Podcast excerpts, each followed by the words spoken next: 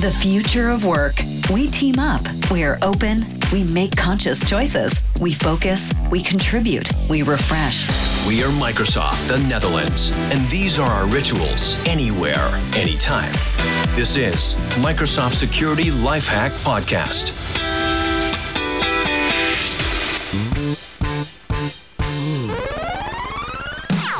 Daar zijn we weer. Microsoft Security Lifehack Podcast. Live opgenomen vanuit onze eigen Schiphol studio hier eh, ja, in, in ons geweldige mooie pand.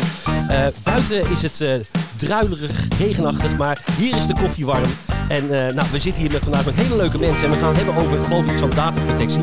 Daar weet ik een heel klein beetje van, maar er zijn mensen die weten er super veel van. Nou, die schuiven natuurlijk ook aan. Ik heb, nou, laten we met de introductie beginnen. Ik begin aan de dame, natuurlijk aan mijn, aan mijn rechterhand. Moet even kijken waar mijn duim in zit. Um, Ellen, misschien kan je even voorstellen wie je Ja, bent, wat je komt doen en, en waarom en zo. Ja, natuurlijk. Dankjewel. Uh, mijn naam is Ellen van Meurs. Ik ben Data Security Technology Specialist bij Microsoft. Wat inhoudt dat ik me bezig hou met Microsoft Purview. Um, iets waar ik heel veel en heel graag over praat. En dat doe ik met name met onderwijs en gezondheidszorgklanten en de overheid. En nu vandaag uh, bij deze podcast. Ja, en, en we doen het niet alleen. We hebben ook experts uitgenodigd. Jij bent een expert, maar we hebben ook partner-experts. Zeker. Uh, ik heb hier op mijn lijstje staan Rollworks. Daar ga ik straks alles van horen van wie, wat en hoe. Want uh, voor mij allemaal nieuwe namen. Uh, tegenover me zit René. René, ja, dat, welkom. Dat klopt, ja, welkom. wie, wat, hoe, waarom en wie ben je? Ja, nou ja, ik ben, ben René Laas. Ik ben security manager bij, bij Rawworks. En ik houd me eigenlijk uh, bezig met, uh, met de hele security in de breedste vorm, waaronder ook uh, data protection. Kijk, mooi. En, en naast je zit, zit Martijn. Goedemorgen. Goedemorgen. Goedemorgen. Ja, goedemorgen. Of goedemiddag, goedenavond. Ja, ja dat, het is maar net wanneer je luistert. Het kan altijd. Goedenacht, ja. Ja, kan ook. doe jij het een beetje leuk s'nachts? Dat klinkt heel raar nu wat ik zeg, maar uh, klink jij een beetje leuk s'nachts? Uh, ik heb een, uh, wel een ochtendstem, ja. maar daarna, daarna is daarna, die daarna gaat ja, het gaat goed, zo gaat je. Barry Ja, White dus als je wakker wordt. Nee, helemaal goed. Ja, ik heb dat ook een beetje. Ik kan ook ja, zo, ik ben jaloers op je stem. Ja, nou, nou op dit moment klinkt hij echt heel slecht, maar dankjewel. Hey, we gaan het hebben over, over, over dataprotectie en um, ja, Rollworks. Ik ben even heel benieuwd, Martijn, wat jij bij Rollworks dan allemaal doet. Ja, dank je. Nou, ik ben een van de trotse founders van Rollworks. Uh, wij zijn een Microsoft partner, eigenlijk in, uh, in hart en nieren kan je zeggen. We doen ook veel met open source, maar uh, veel vanuit het Microsoft ecosysteem. En vooral als het gaat om security en data protection. wij zijn eigenlijk op de wereld, en dat is onze missie, om tijd te winnen in de werkweek van onze klanten. En dat noemen wij Mission One, dat okay. is onze, onze focus. En sinds, ik denk een jaar of twee, kijk even naar René. we zeiden altijd, we willen Nederland sneller en slimmer laten werken. Maar sinds een jaar of twee zeggen we dat het moet vooral sneller, slimmer en veiliger. Kijk, mooi. En kan je, dat is al een vraag die ik zo meteen heb, want misschien kan je erover nadenken. Um, wat ik vaak hoor is dat dingen als uh, veilige werken en, en, productiviteit, dat dat best heel lastig is. Omdat het vaak een, een belemmering wordt gezien. Daar wil ik straks uitgebreid over hebben. Maar mensen hebben uh, misschien nog geen idee wat dataprotectie is. En, en misschien, ja, kan jij het uitleggen, Ellen? Uh, dataprotectie, wat is dat? Ja, um, dat is eigenlijk iets wat heel vanzelfsprekend zou moeten zijn. Um, en dan ga ik heel even terug naar het feit dat we vroeger natuurlijk heel grote forten gingen bouwen. Uh, die we gingen beschermen met bruggen en sloten, zodat niemand naar binnen kon komen. Maar bedenk je dan dat als je dus je sieraden of je goudstukken zomaar had liggen in zo'n kasteel. Dan kan je, als je eenmaal binnen bent, dus toch een hele goede aanval hebt gedaan, dan kan je dat zomaar meenemen. Maar goudstukken en sieraden liggen natuurlijk niet zomaar voor het oprapen, die liggen vaak in een kluis. En dat zou dus eigenlijk ook in de moderne wereld moeten. Die gevoelige informatie die we hebben, die bedrijfsgevoelige informatie, die zouden moeten opslaan in een kluis en moeten beveiligen, zodat als mensen eenmaal binnen zijn, dat ze niet zomaar bij die sieraden en die kroonjuwelen kunnen komen. En Ja. dat is eigenlijk databeveiliging. Oké, okay.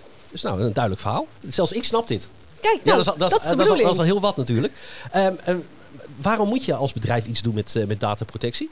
Waarom is dat belangrijk voor een bedrijf? Is het verplicht? Uh, is het, uh, uh, want we horen van je wil niet bij die goudstukken komen. Maar stel dat je een klein bedrijf bent, is het dan ook, laten we zeggen, heel belangrijk? Voor, voor wie is het belangrijk? Het, is voor elk bedrijf eh, belangrijk.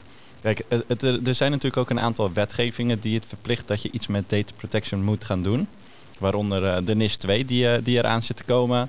De bio, waar we later nog op, op terugkomen in onze podcastreeks. Um, maar het belangrijkste is, wat, wat Ellen al aangaf, de kroonjuwelen, dat zijn eigenlijk jouw data in de moderne wereld. Dus denk aan, aan IP. Je wilt niet dat dat bij de, bij de concurrent terechtkomt. Of dat jij met persoonsgegevens werkt die jij dan per ongeluk deelt naar de, naar de buitenwereld. Ja. En misschien ook wel goed om de vraag eens terug te stellen. Van, zou een bedrijf jou zomaar toegang willen geven in die organisatie? Mag ik zomaar bij een bedrijf inloggen op alle e-mails, ehm, zomaar in alle SharePoint-pagina's of in OneDrive kijken? Hopelijk is het antwoord nee. Ehm, want is daar, zijn er bedrijfsgeheimen of intellectueel eigendom, zoals René al zei? Ehm, en dat is eigenlijk alleen al de reden waarom je aan databeveiliging moet doen. En als je dat vertaalt naar de, naar de huidige wereld, je laat ook niet zomaar iedereen jouw huis binnenlopen. Nee. Nou, dat is dan vandaag. Wat ik ook nog interessant vind, als je sneller en slimmer wil werken. En je kijkt naar AI, hè, dat draait op data. Dat betekent dus ook dat eh, data protection in de nieuwe wereld van eh, artificial intelligence ja, nog eigenlijk veel belangrijker gaat worden. Ja. Want alles komt straks in een stroomversnelling. En misschien niet één keer, maar tien keer. Ja, en als je dan je data niet op orde hebt. Een ander, een ander ding eh, Ja. die interessant is, is eh databeveiliging is ook niet iets wat je aanzet. Nee. Dat, dat is een, een journey. Daar moet je in komen. En je moet elkaar continu scherp houden en verbeteren. En, en, en ja, als je daar nu niet mee begint, eh, hè, Ellen. Ja, nee, zeker. Dan, eh, en je begint er over drie jaar mee. Ja, dan begin je dan pas met je volwassenheid eh, ja, op te zetten. Ja, nou, en het punt wat je aanhaalt, natuurlijk als organisaties nu met AI aan de slag willen en je hebt nog geen databeveiliging, dan is het eigenlijk een Pandora's box wat je nu openzet, waardoor iedereen bij informatie kan komen waar ze eigenlijk niet eens wisten dat ze toegang tot hadden. Nee. Maar als je dat hoort, hè, ik hoor eh, allemaal termen als NIS hoor ik voorbij komen. Ik hoor dataprotectie, ik hoor AI. Als ik dit nu luister, dan denk ik, dat klinkt als heel veel en heel moeilijk. Maar of valt dat mee? Of is het ook gewoon zo? En, en is het niet iets wat je, wat je zegt, je zet het niet zomaar aan, het is een journey. Maar hoe, hoe lastig is het om, om dit allemaal te begrijpen als organisatie zijnde? Als je van nul begint, dan is het inderdaad een aardige berg waar je natuurlijk moet tegenop kijkt en misschien wel moet opklimmen. Ehm, maar uiteindelijk is het denk ik met zoveel dingen waar we als organisaties mee bezig zijn, je moet het allemaal stap voor stap doen. In één keer direct op de top van de Kilimanjaro staan, ja, dat ga je niet redden zonder training. Dus stap voor stap en ook het ehm, in blokjes ehm, neerzetten, Ja. dan is het mogelijk om het te gaan bereiken. En zo kom je dan ook aan de juiste informatie. Wat doen jullie daar nou bijvoorbeeld eh, vanuit Rollworks? Wat zijn jullie de blokjes waar jullie mee beginnen? Als een klant bij jullie komt die zegt, joh luister, eh, ehm, even- wij, wij willen iets doen met dataprotectie. Eh, we beginnen vaak eerst met eh, de juiste stakeholders aan tafel krijgen. Ja. En, en eigenlijk ook in kaart brengen waarom willen ze dit? Wat is hun doel? Eh, hoe zien ze het voor zich? En dan gaan we daarna in, in verschillende stapjes met workshops, gaan wij met de, met de klant samen de, de journey starten. Dus we beginnen vaak met een eh, databeleid. Hoe ga je om met data? En dan daarna gaan we kijken met welke afdeling, een kleine afdeling, kunnen we gaan starten om alvast te gaan eh, testen hoe gaat het werken. En vanuit daar gaan wij dan eh, verder uitbreiden als een olievlek. Wat, je, wat je vaak ziet, eh, Jeroen, is dat, dat heel veel bedrijven eigenlijk niet weten welke data ze in huis hebben. Nee, nee, dat kan me heel goed voorstellen. inderdaad. Dus, eh, ja. we, we hebben allemaal een downloadfolder, die kennen we. Ja. Die is vrij ja, eng. ja, Maar ja, de OneDrives, de persoonlijke OneDrives, FileShare, SharePoint, e-mail, ja, eh, applicaties, databases. Je, ja, je, je weet eigenlijk niet waar wat staat. Nee, en alles wordt ook regelmatig automatisch gesynchroniseerd. Als ik dat ook bij mezelf kijk, ik heb eh, eh, alles wat ik zo'n beetje doe, dat, dat, dat staat dan ook in de cloud in één keer. Dus op mijn, op mijn desktop wat ik heb staan, dat wordt dan ook gesynchroniseerd en zo. Super handig natuurlijk, maar wa- waar beheer ik wat? En ik denk dat dat, dus, dus als ik iets weghaal van mijn desktop, is het dan ook in de cloud weg of juist niet? Hè? Dat moet je allemaal maar net weten. Maakt wel lastig. Absoluut, absoluut. Kijk, ik denk dat eh, wat René zegt, hè, de- dat beleid. Kijk, als je geen beleid hebt, dan weet je ook niet waar je aan moet voldoen. Nee. Dus, dus het begint met, oké, hoe willen we eigenlijk met data omgaan in een bedrijf? En dan is het, ja, wat zijn die kroonjuwelen dan? Waar staat die data dan? Dus dat noem je ook vaak discovery. Ja. Eh, hoe, hoe kom je erachter wat voor data je hebt? En als je dat weet, en dan eh, hebben we eigenlijk altijd de traditionele de tooling, de, de menskant en de proceskant. Ja. Nou, en ik denk juist dat, eh, dat het ook weer niet te moeilijk is om te beginnen. Vooral als je kijkt wat voor tooling er beschikbaar is, eh, ook vanuit Microsoft. eh, kan je een heel snel een, een stap zetten naar een stukje volwassenheid. Maar dan nog, je moet het goed inrichten, Ja. het processen eromheen. En ja, en vooral die regelgeving die verandert ook continu. Ellen, dat zie, je, dat zie je natuurlijk ook. Van, ja, het is leuk dat je tooling hebt en je bent klaar. Nee, je bent niet klaar. Want er komt er weer een nieuwe wetgeving Ja. Wat, wat zijn dan voor jullie de meest, wat zien jullie in het veld als, maar zeggen, als de meest voorkomende datalekken? Is dat, is dat, laat maar zeggen, mensen die dat bewust, onbewust, eh, eh, kwaadwillend? Wat, wat, is een beetje wat jullie eh, tegenkomen? Wij zien veel onbewust datalekken terugkomen. Kijk, er is altijd een manier om data te lekken als je kwaadwillend wilt. De- Met de tooling kan je heel veel configureren, maar iedereen kan altijd een foto maken van een scherm waar informatie op staat. Ja. Dat kan je gewoon niet voorkomen met tooling. En, en daar zie je bijvoorbeeld met standaardnamen die vaak voorkomen. Bijvoorbeeld Peter, die wordt heel snel toetsen even in je e-mailadres Peter. En je lekt zo per ongeluk de Ja. data naar de verkeerde Peter. Ja, nou, ik ken dat probleem. Ik heet Jeroen Jansen. Nou, Ja. J. Jansen, dat is, dat is, laat maar zeggen, dat is het kansloos. Weet je? Ja.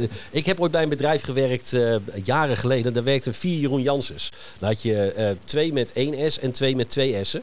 Dat, nou, dat houdt het dan nog eens bij elkaar. Maar dat is gewoon super lastig. En we hadden een soort afspraak met elkaar. En dat was vroeger, toen je Koenen met een kleine oes reef, weet je. Dus echt heel lang geleden. Dat we gewoon elke maand gewoon in, naar elkaar alle e-mails stuurden die niet, laat maar zeggen, van ons bekend was. Eh, wat, hè, had ik een e-mail gekregen. Denk, waar gaat het over? En dan stuurde ik dan gewoon maar naar die drie anderen toe. Van, ik denk voor één van jullie. Ehm, dat zou natuurlijk super incompliant zijn als ik er nu even over nadenk. Maar toen kon het nog. Ja, en- ja, dat was vroeger. Dat was, Ja. was alles mooi, lief, leuk en zo. Had je gewoon floppy disks. Ik zie jou kijken, Ellen, waar gaat dit over? Waar gaan we naartoe? Dat is echt oud en zo. Ja, ja, was en dat is inderdaad niet meer de wereld waar we nu eh, helaas, of nou ook Nee. fijn juist, leven natuurlijk nu heel digitaal. Ja. Maar dat betekent dat natuurlijk ook alles online staat Ja. en alles via de laptop met elkaar gedeeld wordt. En dat inderdaad het datalek wat het meest voorkomt is verkeerde documentatie, informatie mailen naar ehm, ja, die onjuiste persoon. Ja. Ik, ik weet nog, Jeroen, dat ik eh, werkte bij een eh, groot bedrijf in Nederland. En ehm, toen kwam de, zeg maar Outlook op en eh, informatiedeling, kalenders. Ja. En eh, wat ik deed was gewoon elke week op maandagochtend keek ik even in de, in de agenda's van de managers. En daar zag je dus de uitnodigingen voor de, voor de belangrijke gesprekken Ja. met de bijlagen erin. Kijk, En ik wist altijd precies eh, wat er speelde. ja.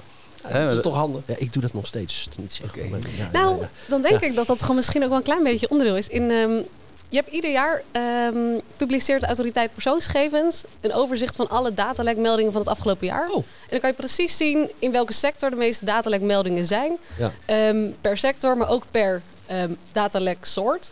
En afgelopen jaar, en dat is echt wel een hele interessante en ook zorgwekkende ontwikkeling, is dat 65% stijging van datalekken, meldingen van personen die te breed geautoriseerd zijn tot informatie. Ja. Oftewel, je hebt toegang tot informatie waar je eigenlijk niets aan hebt in je dagelijkse werk. Ja.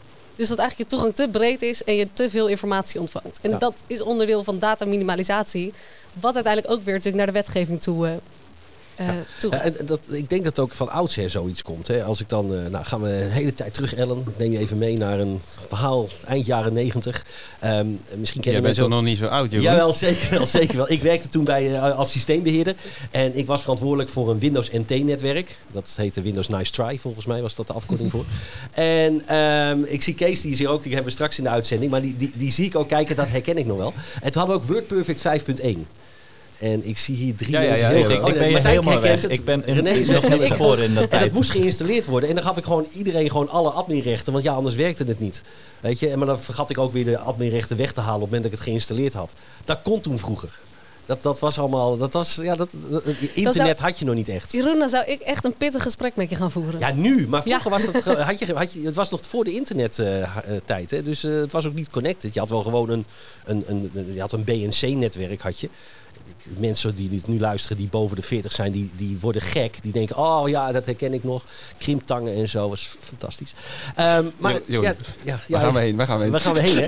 Maar dan had je dat allemaal niet. Dus de, de wereld is zo aan het veranderen dat dit super belangrijk wordt. En eh, ook de tooling die we daarvoor gebruiken. Want het voorbeeld wat je net aangeeft, Ellen, over die data, ehm, hè, de, de- te veel rechten hebben. Ik kan me iets herinneren, en help me even, is dat we vanuit Entra wel een soort oplossing hebben. Dat we konden zien van, heb je dit daadwerkelijk nodig, dit soort data? Ja, ja ben ik niet ehm, een Entra-specialist, Nee. maar ook inderdaad Ja, jij herkent het. Ja, ook. ja, klopt. Ja, Ja, ja. Dus dat is inderdaad mogelijk om die toegang te beperken. En ook om je eh, alert te maken op... hey, je deelt deze documenten met andere mensen. Hebben zij nog steeds toegang nodig? Heb je het niet te breed gedeeld? En dat is dan eigenlijk weer een onderdeel van Microsoft Purview. En dat is dan Priva. Zodat je ook op die manier privacy risico's kunt minimaliseren. Ja. En Ja. dat mensen niet oneindig lang toegang hebben tot bepaalde informatie. Nee. Nee, ik klopt. zit nog steeds in distributiegroepen op dit moment. Eh, Ik ben anderhalf jaar ben ik al weg uit, eh, uit, uit de Nederlandse regio. Ik werk Oh ja, voor eh ja. Ik krijg nog steeds e-mails dat ik denk, ja bedankt, denk ik. Ehm, dus, dus ja, dat, Ja. Dat, dat gebeurt ook. En ik denk dat dat een voorbeeld ervan is. Hè. Hoe mooi zou het zijn dat als je, laat maar zeggen, van rol verandert, dat ook gelijk die rechten dan weg worden gehaald. En dat kan, hè. we hebben de tooling ook ervoor, maar het moet Ja. wel ook wel ingezet Nou, worden. dit is een mooi bruggetje. hè. Dus we hadden het net, René begon over, eh, je moet beleid creëren. Ja, je moet je governance eigenlijk op orde hebben. Nou, dan weet je in ieder geval hoe je ermee om wil gaan. Dan hadden we het over kroonjuwelen. Dus hoe identificeer je die nou? Waar staat je data? Hoe ga je met die data om? En dan kom je meer op het beveiligen van die data. Nou, je noemt nu bijvoorbeeld eh, Priva. Je hebt met Purview natuurlijk heel veel eh, eh, mogelijkheden om je data te beschermen en in te richten. Ehm, maar het gaat er ook uiteindelijk om, om comply. Dus je hebt wet en regelgeving. Hoe ga je dan die data die je beschermt ook tegen die regelgeving aanhouden? En hoe zorg je ervoor dat iedereen handelt naar dat beleid? Ik weet niet, René, of, of jij daar ook een, een visie op hebt om om te gaan met compliancy. Eh jazeker. Kijk, het is natuurlijk heel belangrijk om uit verschillende aspecten daarnaar te gaan kijken. Maar al ga je met een mindset van zero trust aan de gang, waarin je dus eigenlijk niemand vertrouwt en alleen toegang geeft tot data op het moment dat je het nodig hebt, dan ben je al echt op de, op de goede weg. We zien bij veel organisaties, die hebben SharePoint sites, daar hebben mensen toegang, er worden wilden dan één bestand delen, maar dat delen sprongelijk de hele site. Nou, en dan heb je in één keer toegang tot allemaal bestanden waar je eigenlijk op dat moment geen toegang tot nodig hebt. Ja, en die mindsetverandering is ook heel belangrijk. Want als ik met organisaties praat en ik heb het over ongestructureerde informatie, dus al je documenten of je e-mail die je in SharePoint, in je OneDrive, in je Teams deelt, dan zeggen vele organisaties, ja, maar wij hebben processen en dat moet dan in een bepaalde applicatie zitten, want daar zit al onze HR-documentatie of daar zitten alle eh, medische gegevens, die zitten in ons, in ons elektronisch patiëntendossier. En dat, en dan verwachten ze dat ook al die informatie in die daadwerkelijk in die applicatie zit. Maar het rondmailen van cv's is volgens mij de meest veel voorkomende ehm, eh, actie die iedereen heeft. Iedereen heeft cv's ofwel inderdaad in de downloadfolders of rondgemaild.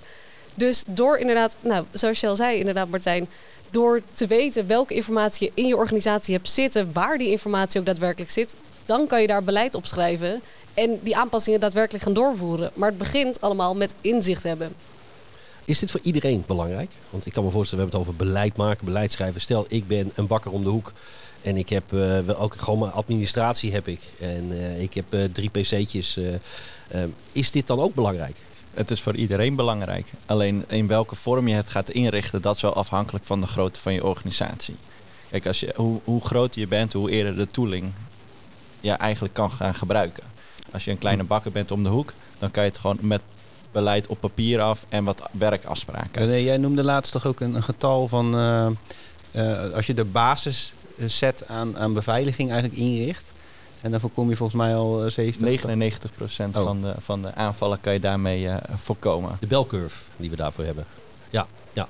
Dus dat is, laten we zeggen, Zero Trust valt daaronder. zijn volgens mij vijf stappen. Eén Ja. daarvan is eh, Zero Trust, Conditional MFA. Access, MFA zit erbij. Eh, backups, volgens mij valt er ook onder. Ehm, dus ja, dat is zo'n curve inderdaad, wat je, wat je hebt, dat je in ieder geval de aanvallen tegenhoudt. Kijk, ik, ik denk dat, dat dat is echt van buitenaf, kwaadwillend. Ik denk dat het ook belangrijk is, ehm, en ik doe natuurlijk ook iets met security, ehm, is dat je, je er ook voor moet zorgen dat je de eindgebruikers bewust gaat maken van wat hun rol er ook in is. We kunnen van buitenaf alles beschermen, maar van binnenuit, wat je net al zei, een e-mailadres, het is, het is zo, eh, zo gebeurd dat iemand iets, iets wegstuurt.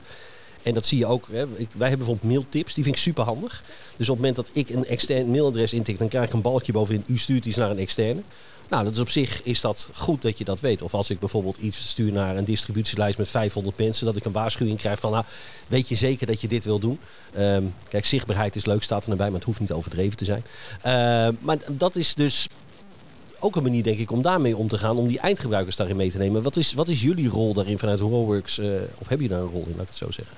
Ja, we hebben een, eh, een roadmap. En dan kijk ik ook naar René, want dat- is een eh, vrij gedetailleerde versie. Maar het komt eigenlijk op neer dat je natuurlijk de mensen moet meenemen in adoptie. Hoe ga je om met data? Trainingen geven. Kijk, er zijn best wel veel en steeds meer, laten we zeggen, IT-aware eh, mensen in elk bedrijf. Maar ja, je hebt ook gewoon nog steeds de, ja, de mensen die alleen met de computer werken om, om bijvoorbeeld een taak uit te voeren of om iets te registreren. Denk aan de zorg. Een zorgverlener die aan het bed staat. Ja. Dat is niet altijd een eh, security specialist. Maar die gaat wel om in de eerste lijn data. met persoonlijke data. Ja. Nou, en dan is het natuurlijk ook eh, de mogelijkheden. Dus als je kijkt naar eh, wat Microsoft heeft geïnvesteerd, nou, volgens mij is het miljarden afgelopen jaren in, in data security Mhm. en in data protection. Ehm, maar de, de klant weet niet altijd dat hij A, soms al toegang heeft tot tooling en, en, en ondersteuning. En twee, hoe je het in moet zetten. Dus ook de, het meenemen van onze klanten eh, en van gebruikers in eh, wat er mogelijk is om je gegevens te beschermen, is super belangrijk.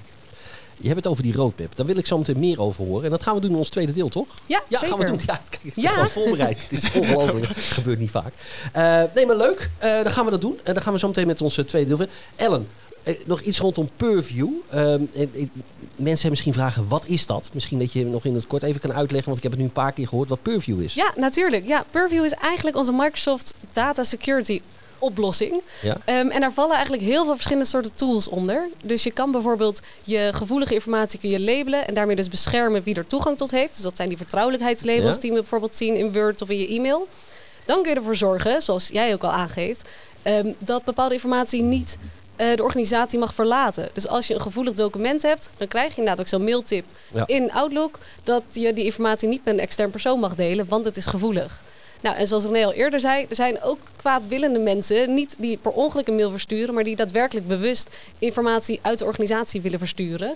En dat is insider risk management. En dan kan je er eigenlijk voor zorgen dat je gevoelige informatie in je organisatie ook tegen wordt gehouden. Dus niet meegenomen kan worden door mensen die echt kwaad willen. Oké, En kan je ook tracking doen daarmee? Dus dan maar zeggen dat iemand, ehm, eh, ehm, ja, dat je een soort terug kan herleiden waar die data vandaan komt en hoe dat gedeeld is. Hè? Met fraudezaken en dat soort dingen. Is Ja. dat ook onderdeel daarvan? Ja, zeker. Dat is e-discovery. Dus we hebben inderdaad monitoring, logging, audit. Ehm, nou, we hebben dan Priva, wat ik al aangaf. Je kan ook zelfs zorgen dat bepaalde communicatie in je organisatie, dat je die niet toestaat. Bijvoorbeeld beledigingen of vloeken. En dan kan je dat door middel van communication compliance, kun je dat dan ook uitzetten. Oh, wat handig. Ja. En dat is ook op taalniveau, want ik snap Ja, dat vroeger in het Nederlands iets anders is dan in het Engels. En Ja, zo, of- nee, dat zit er inderdaad allemaal in. Oh, wat handig zeg, dat wist ik niet. Ja. Nou, weer wat geleerd. Is dat, is dat nieuw of niet? Of is dat, is dat niet heel nieuw? Of, eh, Eh, ja, het is wel redelijk nieuw. is dat redelijk nieuw? Mooi. Nee, dat is mooi. Dan heb ik weer een reden om op een knop te drukken. Oh, nou, ja, ja. Mag ik dan nog iets nieuws Nou, vertellen? graag, ga iets je waar ik gang. super enthousiast over ben. Ja? We hadden het natuurlijk al kort eventjes over AI. ja. En het is natuurlijk heel leuk dat we nu Copilot kunnen gebruiken, maar ook andere AI-toepassingen. Maar als organisatie hebben we natuurlijk op een gegeven moment geen idee meer welke medewerker of, of überhaupt medewerkers welke AI-toepassingen gebruiken. Ja. En of daar natuurlijk ook gevoelige informatie naartoe gaat. Nou, wat Microsoft. ja. Heeft- Wat hebben wij gedaan? Ja, Vertel. we hebben Heb je echt geen iets trommel, gedaan. eh, ja, geen trommeltje? ja, een roffeltje inderdaad. eh. Ja. ja. Oké, komt-ie. We hebben dus nu ook in Purview, in Private Preview, een AI-hub.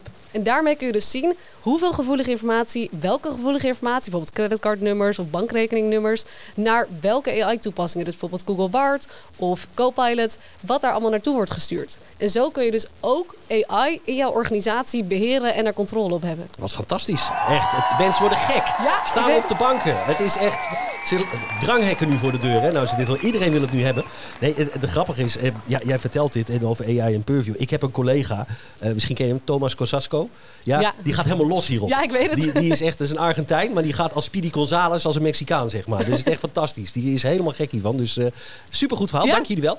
Ehm, ja, mocht je dit nou een ontzettend leuke podcast eh, vinden, let op, er is zometeen nog een deeltje 2. Dan gaan we het hebben over de roadmap. En dan gaan we samen met eh, Kees zitten. Die is ondertussen al in de studio aangekomen. Met René en met Ellen nog. Martijn, ik wil jou ontzettend bedanken voor je aanwezigheid. Eh, René, jou zie ik ook Ja, zometeen weer. klopt. Eh, of eh, ja, wanneer de nieuwe aflevering online staat natuurlijk. Hè. En Ellen, blijf jij nog even zitten? Ja, Vind je zeker. gezellig? Nou, leuk. Dan Zeker. zien we jullie zo weer. Dankjewel. Bedankt voor het luisteren naar deze podcast van Microsoft Nederland.